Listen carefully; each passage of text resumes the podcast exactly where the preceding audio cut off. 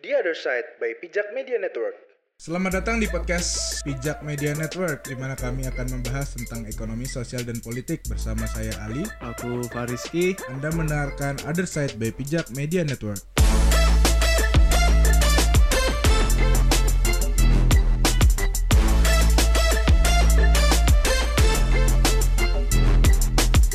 Selamat datang kembali di podcast kami Other Side by Pijak Media Network bersama saya Ali dan teman saya Fariski.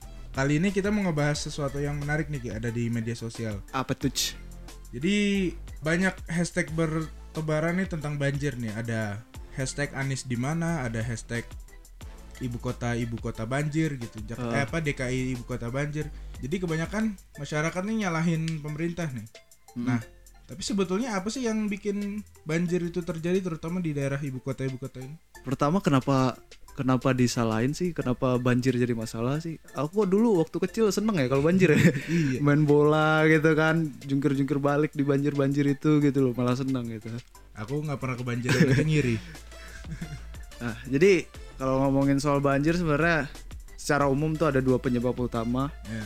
Yang pertama karena pengaruh pasang surut air laut. Jadi kalau satu elevasi satu daerah itu berada apa eh, di dalam range apa pasang surut itu mesti banjirnya terpengaruh tuh sama ini Kalau kalian laut. kepo cari namanya banjir rob gitu. Ah, ya. banjir rob gitu. Terus yang kedua adalah karena hujan. Ya. Nah, eh, kita kenal kan ada istilah namanya drainase. Drainase ini adalah got sebuah lah, got. Ya, Bahasa lah. gampangnya. Iya. Terlalu ilmiah jangan terlalu ilmiah lah ya. Iya, Kayak got bu- gitu atau bingung. kanal atau parit itu kan Ah, tujuannya untuk mendrain atau membuang air hujan. Nah, Iya. jadi kenapa air hujan harus dibuang? Karena kelebihan air hujan juga menyebabkan banjir gitu. Ya. Jadi inti masalahnya sebenarnya kalau kayak Jakarta gitu ya, Mm. permasalahan-permasalahan banjir akibat meluapnya sungai itu ya karena eh, tampang drainasenya atau sungainya itu tidak mampu menampung ini kan, menampung air hujan yang berlebihan. Iya, Nah, betul. intinya kayak gitu sih. Makanya Penyebabnya meluap ya, Nah, makanya. penyebabnya tuh macam-macam tuh bisa karena sampah atau Mm-mm. sedimentasi yang mengurangi ruang untuk air tuh bisa apa ditampung gitu di drainasenya kayak gitu tuh. Ada apa namanya pohon tumbang ya. Eh, Jadi sampah tuh bukan sampah selalu sampah masyarakat tapi kayak ada di pinggir-pinggir pohon tumbang gitu. pokoknya yang menghalangi jalan air lah gitu. Tapi kadang memang masyarakat nih kelewatan juga bisa di sungai itu ada kasur, ada sofa gitu. Kulkas cuy.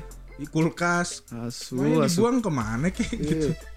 Nah, tapi berarti daerah Jakarta ini kan udah padat banget nih. Eh, Pengelolaan banjir tuh dalam sitru- siklus hidrologi itu kan ada hulu ada hilir. ya. Nah, jadi Jakarta ini sebagai hilir, sebagai daerah yang datar gitu. Bogor, daerah Jawa Barat itu sebagai daerah yang hulu.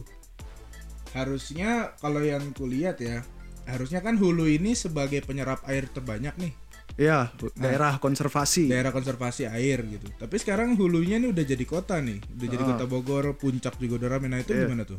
Nah, ini mungkin masalah ini ya. Kayaknya mungkin ini opini ya. Kita nggak Iya. bisa terlalu banyak berbicara soal ilmiah. Ini kita gitu. semua ngomong di sini opini loh. Iya, santai kayak ngobrol aja netizen gitu. netizen. Kita Iya. juga netizen yang ini rese kok sebenarnya. Iya. Jadi eh, apa ya? Masalah sungai itu sebenarnya eh, harus dikelola eh, dalam satuan das. Jadi bukan dalam satuan wilayah administrasi. iya. Jadi kalau misalkan sungai itu melewati dua provinsi misalkan, nggak bisa tuh dipisah-pisah tuh. Nggak boleh misalnya Jawa Barat sama Jakarta pengelolaannya pisah-pisah ya nggak boleh gitu. Iya. Jadi harus komprehensif dalam satu unit manajemen. Komprehensif dalam artian dari hulu sampai ke hilir karena eh, apa proses eh, yang terjadi di hulu sungai itu akan berdampak di hilir. Yang kedua juga perlu nih pengelolaan sumber daya air atau katakanlah sungai atau das daerah aliran sungai. Itu itu secara terintegrasi Iya. dalam artian eh, satu unit manajemen pengelola tadi harus memperhatikan macam-macam sektor yang kiranya apa eh, berkaitan dengan permasalahan sungai ini gitu kan. Iya. Jadi dalam pengolahan itu butuh yang namanya pengolahan eh, untuk pendayagunaan sumber daya air gitu kan. Pendayagunaan nih kayak misalkan untuk PLTA, untuk irigasi gitu-gitu kan. Terus juga untuk eh, apa namanya?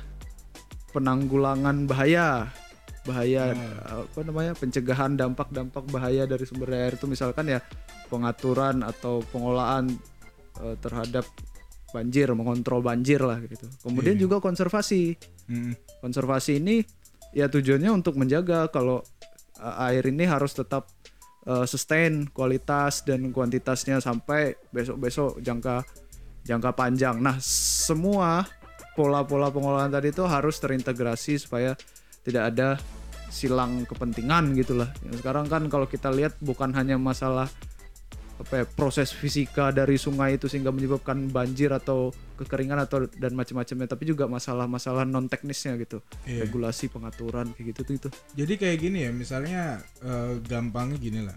Koneksi antar dua daerah sebagai contoh itu Bogor dengan Jakarta. Terus kalau di dalam lingkup satu provinsi Sleman dengan kota Jogja. Atau waktu yang di eh, di Bandung, kalau nggak salah Kabupaten Bandung dengan Bandung.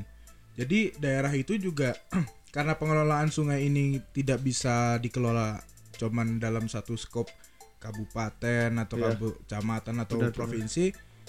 Jadi harus ada perencanaan yang multisektoral dan multi daerah gitu loh istilahnya. Iya. Jadi nggak bisa juga misalnya Bogor itu sembarangan membangun udah bangun-bangun aja Jakarta bodo amat kena banjir gitu kan nggak bisa juga. dan harus ini juga harus melibatkan semua stakeholder dari macam-macam sektor itu tadi nah jadi untuk eh, kayak kepentingan irigasi itu ya kita harus ngelibatin eh, komunitas atau perkumpulan petani Betul. terus misalkan untuk konservasi misalkan ya kita harus melibatin orang lingkungan orang industri orang pertanian orang perikanan segala hal yang terikat dan eh, berhubungan dan membutuhkan sungai sebagai sumber daya alam itu semuanya harus dilibatkan dalam eh, satu manajemen yang terintegrasi tadi supaya apa? Supaya tidak ada konflik konflik konflik yang bisa munculkan masalah-masalah. Banjir itu juga bisa bukan hanya ini ya bukan hanya teknis ya bukan hanya Iya. fenomena alam tapi juga bisa dikarenakan kebijakan bisa dikarenakan Iya. pola budaya masyarakat bisa dijadi karena konflik-konflik eh, apa horizontal di masyarakatnya misalkan masalah penggunaan lahan gitu nah kondisi-kondisi lahan yang misalkan minim vegetasi itu sangat potensial terjadi sedimentasi gerusan dan segala macamnya ya kan Oh, perlu diingat juga air ini kan memang harus dikelola ya. Jadi kalau kalian baru habis-habis ini nonton eh, apa Seksi Killer tuh masalah listrik lah ini sama. Air tuh perlu dikelola gitu. Jadi jangan sampai kita kekurangan air tapi juga kelebihan dalam arti kelebihannya tidak dikontrol gitu untuk cadangan Iya, air terus segala macam gitu. Jadi Eh, pengelolaan air ini sebetulnya nggak cuman banjir aja karena fungsi air itu kan banyak fungsi konservasi segala macam. Iya. ada ada fungsi destruktifnya juga tuh kayak banjir. Nah makanya selain menahan bukan fungsi sih kalau Iya, destruktif bukan itu sih. dampak. dampak tapi eh, intinya air ini harus dikelola supaya dan yang dikelola tuh nggak cuman banjirnya aja. Jadi misalnya kita membuat waduk penampungan eh, membuat eh, kolam-kolam retensi kayak gitu gitulah untuk dipakai masyarakat dan juga industri. Nah iya itu. Waduk itu kan istilahnya apa ya multi purpose gitu ya. Kalau kita lihat eh, bendungan-bendungan besar ya kan yang menggenangi apa bukan yang menggenangi yang dibangun supaya air itu menggenangi waduk itu gitu kan itu kan multi purpose jadi Iya. kalau kayak musim kemarau dia harus bisa menampung air supaya masih bisa terus memenuhi kebutuhan ya kan Mm-mm. tapi di musim hujan eh, apa namanya dia juga yang istilahnya mengontrol supaya air itu tidak eh apa namanya bisa tertampung lah istilahnya Tertampung. tertampung kalau misalnya musim kemarau buat cadangan musim hujan buat eh, menampung tadi kelebihan-kelebihan air itu supaya tidak melimpas jadi eh, jadi banjir gitu kan. Soalnya kita kita lihat eh, tren di daerah-daerah yang mungkin kayak Jawa sebenarnya itu Mm. kalau kita lihat masih terjadi eh, apa namanya defisit air gitu kalau kayak di musim kemarau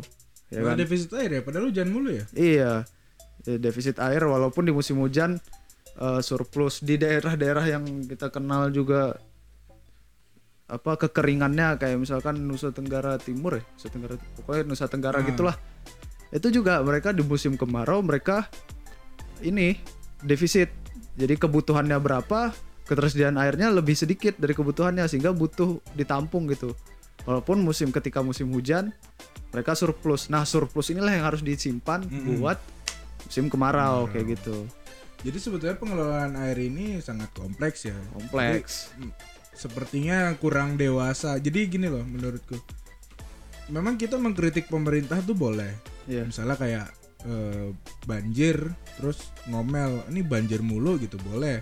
Hmm. Tapi menurutku ketika kita ingin apa ya? Memang kritik tuh harus nggak harus pakai solusi. Tapi kalau kita mau menawarkan solusi, ketahuilah dulu sebetulnya salahnya pemerintah nih di mana gitu. Karena menurutku jadi pemerintah tuh bisa dua, bisa ignoran, bisa juga dia salah langkah gitu. Kalau memang dia ignoran, kita mungkin patut mengkritik dia dengan keras gitu. Ini kok banjir kagak diurusin sih gitu. nah Tapi kalau misalnya dia salah langkah, mungkin lebih ke bukan mencaci maki, tapi lebih ke mengingatkan gitu loh. Nah, yang dipermasalahkan orang tentang Jakarta ini adalah tentang naturalisasi versus normalisasi Oh, gitu iya, ya kan. iya, iya. Sebetulnya apa sih perbedaan antara dua kebijakan ini? sebenarnya ya kalau kita bicara permasalahan banjir di Jakarta itu kan itu sudah apa ya masalah yang udah lama banget gitu aku baca-baca baca-baca katanya ini apa namanya ceritanya tuh udah dari zaman kerajaan Jakarta itu udah kena banjir gitu nah Temen Nabi aja udah banjir. Iya, zaman Nabi aja udah banjir gitu kan. Belum ada peradaban yang modern aja udah banyak yang tenggelam gitu loh. Nah, jadi cuman kita harus ngelihat kayak gini nih. Eh, istilahnya walaupun kebijakan pemerintah ini dalam jangka pendek mungkin tidak ini ya, tidak bakal berdampak pada apa pengurangan ini dampak banjir atau segala macam karena kayaknya bakal tetap banjir deh. Iya. Tapi seenggaknya harus ada ini sih pola pikir sih Pola pikir, pola pikir tentang gitu. eh, pengelolaan itu tadi mulai dari inilah tempat aliran airnya sungai gitu sampai hal-hal yang dari rumah sendiri gitu loh kayak Hmm. membuang sampah atau apa ya kayak kayak gitulah budaya membuang sampah atau budaya menyimpan apa menyimpan air gitu kan Se- hemat air gitu gitu. Nah, untuk kasus kebijakan soal peng, apa pengelolaan sungai atau tindakan terhadap sungai yang tadi ada normalisasi, mm, ada eh, Naturalisasi. Hmm. Nah, kalau kita bicara secara teknis, normalisasi ini kan eh, tampang sungai itu dibuat sedemikian rupa sehingga air itu bisa mengalir secepat-cepatnya, bisa dibuang secepat-cepatnya. ya Jadi fungsinya adalah fungsi drainase. drainase gitu kan. Hmm. Makanya dia di- dibikin pakai beton, pakai sunan batu yang kekasarannya tuh minim sehingga air tuh bisa Ngalir cepat. ngalir cepat dan dia tidak terserap gitu, teresap gitu kan ke tebing-tebing sungainya. Nah, kalau naturalisasi ini konsepnya kayak gini nih. Konsep naturalisasi itu adalah eh, mengupayakan daerah sekitar sungai itu eh, supaya air itu bisa eh, diperlambat kecepatannya, alirannya diperlambat supaya nanti airnya bisa eh, Terserap. terserap jadi recharge di daerah itu recharge apa air masuk ke dalam tanah terserap gitu kan. Nah, makanya ditanami kayak vegetasi itu vegetasi supaya bisa meresap airnya terus bisa diperlambat alirannya. Nah cuman cuman nih ada cumannya. Gimana tuh? kayak kota Jakarta gitu ya. Padat nih. padat pinggiran sungai nih udah apa namanya udah padat banget lah intinya udah kayak beton semua gitu. Jadi kayak agak-agak aneh aja gitu di di di tengah-tengah pengu- pemukiman yang sudah terbetonisasi ini ada satu apa trase bukan trase kalau sungai apa sih trase juga ya? Pokoknya itulah aliran sungai yang pinggir-pinggirnya tuh Aliran ya. Heeh, ada ada vegetasi un- fungsinya untuk eh, recharge air tadi.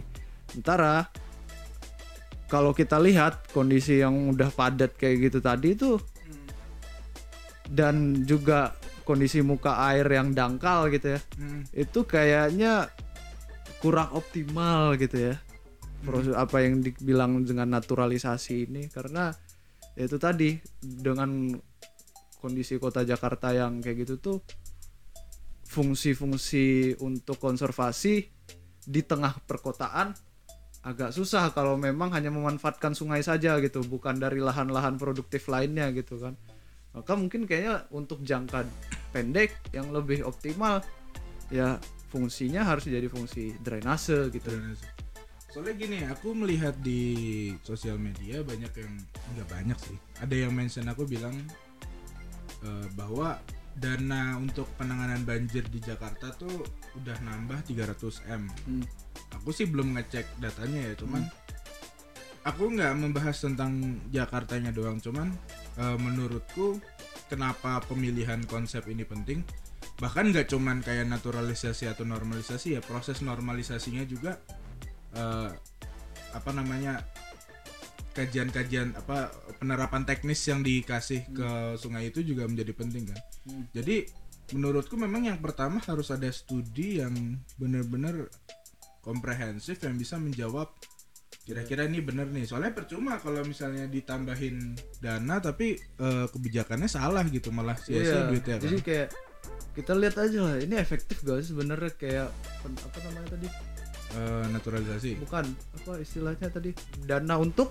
Dana untuk penanganan banjir. Ah penanganan banjir. Ah. misalkan kemarin tuh eh, zamannya Pak Sutioso apa ya itu kan digelontorkan sekian triliun apa kali miliar kali ya gede lah gede banget lah itu minjem dari Bank Dunia hanya untuk mengeruk kali-kali di sepanjang Jakarta Hmm. dan sekarang kondisinya ya tetap aja banjir gitu kan Iya. artinya kan kalau kita menangani di daerah-daerah hilir sungai Hmm. da- dan di daerah-daerah padat apalagi dengan konsep naturalisasi itu nggak efektif gitu loh menurutku ya kalau kita bicara secara teknisnya gitu nggak efektif dengan pertimbangan yang tadi tadi itu memperlambat aliran justru nanti akan bisa menyebabkan kenaikan muka airnya dari Air, situ kan iya. Nah, yang harus sebenarnya diperhatikan adalah bagaimana kita ngebenerin nih sistem recharge airnya di hulu.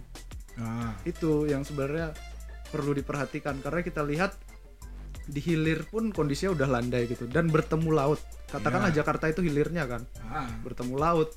Pasti aliran di situ udah lambat gitu loh. Ketika aliran lambat di dari hulu air datang terus, airnya bakal naik tuh. Ya kan? tanah pun menurun lagi ya Ah, tanah pun menurun, air tanah dangkal, kualitas air tanahnya jelek lagi gitu. Iya. Jadi sebenarnya kalau kita mau bicara efektif, ya kan, kita lihat lah kayak pengerukan itu kan dilakukan dulu zaman Sutioso tuh, dilanjutin sama Pak Foke gitu kan, Pak Foke ngelanjutin itu kan karena ya udah dangkal buat sungainya akibat sampah dan sedimentasi. Ya sampah dan sedimentasi nggak mungkin datang dari hilir, datangnya pasti dari hulu. Iya. Jadi kayak kita harus menyusuri tuh masalah-masalah dari hulunya tuh apa gitu. Masalah tadi konservasi, tata guna lahannya di hulu seperti apa. Dan wilayah-wilayah konservasi yang kayak gitu tuh harus punya porsi yang juga jelas gitu. loh. Porsi dalam satu kawasan itu eh, daerah konservasi airnya harus proporsional istilahnya gitu kan.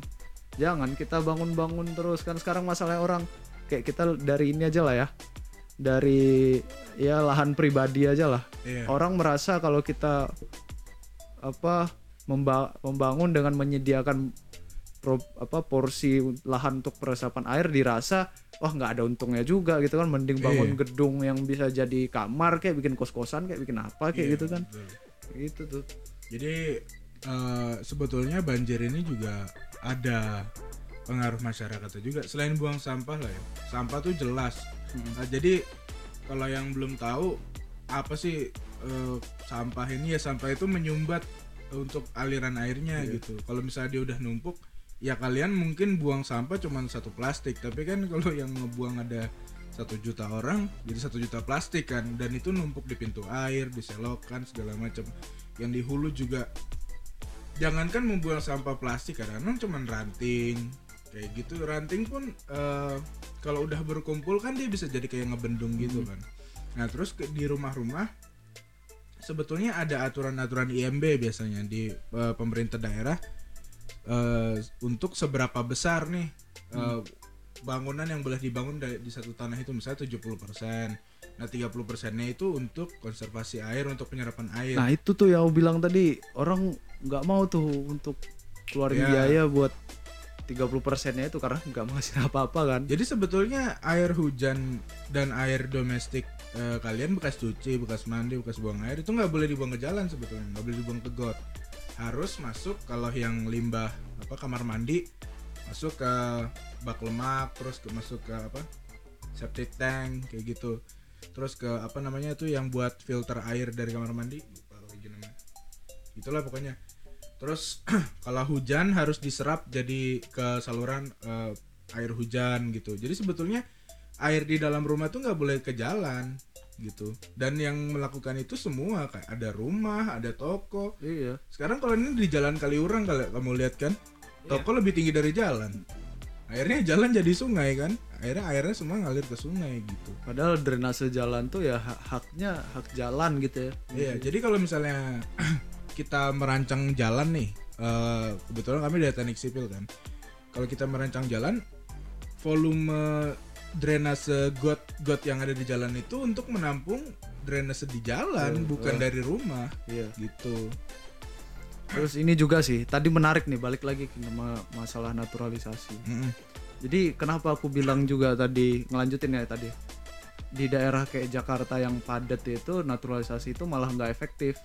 Fungsinya malah kemungkinan asumsiku sebagai ya analis hidrolik kali ya Ya itulah. Nah, kayak gitulah. Jadi percuma kalau di daerah kayak gitu dinaturalisasi tapi hulunya masih tetap Hmm. kacau gitu loh. Karena pasti ada sedimen yang masuk di hulu ya kan? Yang bakal mengurangi dari hulu nih sedimen masuk karena hulunya apa lahannya nggak jelas gitu kan? Tata guna lahannya memungkinkan terjadi erosi sungai gitu kan? Tetap aja nanti di daerah Jakarta tuh terjadi ini sedimentasi kayak kayak gitu yang ngurangin luas tampangnya. Udah luas tampangnya ngurang di, di dalam vegetasi malah alirannya jadi lambat permukaan airnya naik nah kalau kita bicara naturalisasi boleh sebenarnya boleh di daerah itu tapi mulai dari hulu Ya. naturalisasi itu di daerah rural itu harus didahulukan untuk naturalisasi Mhm. ya kan untuk menjaga fungsinya sebagai recharge tadi Mm. terus ya meminimalkan gerusan-gerusan yang akan mengangkut sedimen supaya nggak sampai hilir baru bertahap bertahap kita sampai ke hilirnya kayak gitu loh. Kalau untuk maka aku bilang tadi kalau jangka pendeknya mungkin kita memang harus untuk banjir ini harus dibuang dulu ada secepat-cepatnya gitu. Sebetulnya konsep dasarnya tuh bukannya urban apa banyak rumah ya, tapi intinya inti dari dasarnya itu air yang berapa persen sih air yang terserap ke dalam tanah, berapa persen air yang terlimpas. Iya. Nah terlimpas inilah yang ditampung oleh sungai. Nggak, jadi kita nggak mempermasalahkan tentang eh, nggak melulu ya mempermasalahkan tentang pembangunan rumah apa segala macam. Ini ada baru terjadi lagi banjir di Bengkulu nih. Oh, Bengkulu ya lagi banjir. Bengkulu ya? baru banjir Oh, iya, nih. iya. Nah, ternyata aktivis lingkungan sana menyoroti daerah aliran sungai itu daerah yang harusnya air menyerap dan masuk dalam tanah itu jadi kafling tambang sama kafling Ah, sawit. wajar kayak gitu. Ya, gitu. Jadi sebetulnya pengelolaan air ini memang benar-benar harus ketat. Iya. Gitu. Ketat banget karena itu bisa mung- mungkin karena ketidaktahuan ya. Bisa pemerintah nggak ngerti entah transaksional atau karena ketidaktahuan bisa di daerah aliran sungai ini diizinkan ada tambang dan eh, sawit gitu. Mm. Nanti selain dia tidak ada penyerapan air, juga bisa jadi limbah dari tambang ini langsung dibuang ke sungai.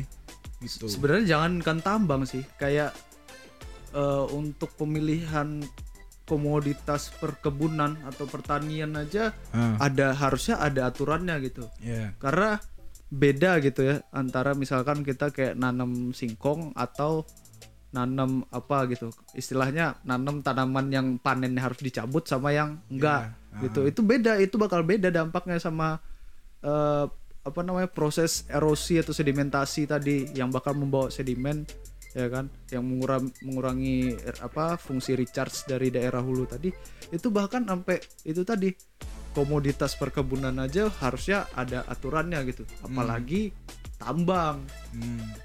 kayak gitu tuh Tambang memang menarik ya, tapi mungkin akan dibahas di Iya. selanjutnya kalau memang masih menarik gitu. Tapi ya berarti ya aku sih yang ingin kupesankan kalian boleh ngeritik pemerintah tapi cobalah lihat apa sih sebetulnya yang yang salah gitu dari pemerintah. Karena menurutku memang kritik itu tidak perlu pakai solusi tapi akan lebih baik kalau kalian ya walaupun sebetulnya kalian juga nggak ngaruh-ngaruh juga ke pemerintah tapi minimal kalian punya pola pikir ke depan gitu. Misalnya kamu kalian besok jadi DPR atau dari DPRD atau jadi gubernur kalian punya pandangan dasar tentang oh ternyata air ini nggak sesimpel itu loh nggak sesimpel kayak cuma nyalahin pemerintah doang gitu. Jadi mungkin itu sekian dari podcast kami kali ini. Eh, selanjutnya ada topik menarik nih untuk episode 4 kita ngebahas tentang terorisme. Jadi kami dari podcast Other Side by Pijak Media Network saya Ali. Saya Fariski. Sampai jumpa di podcast berikutnya. Bye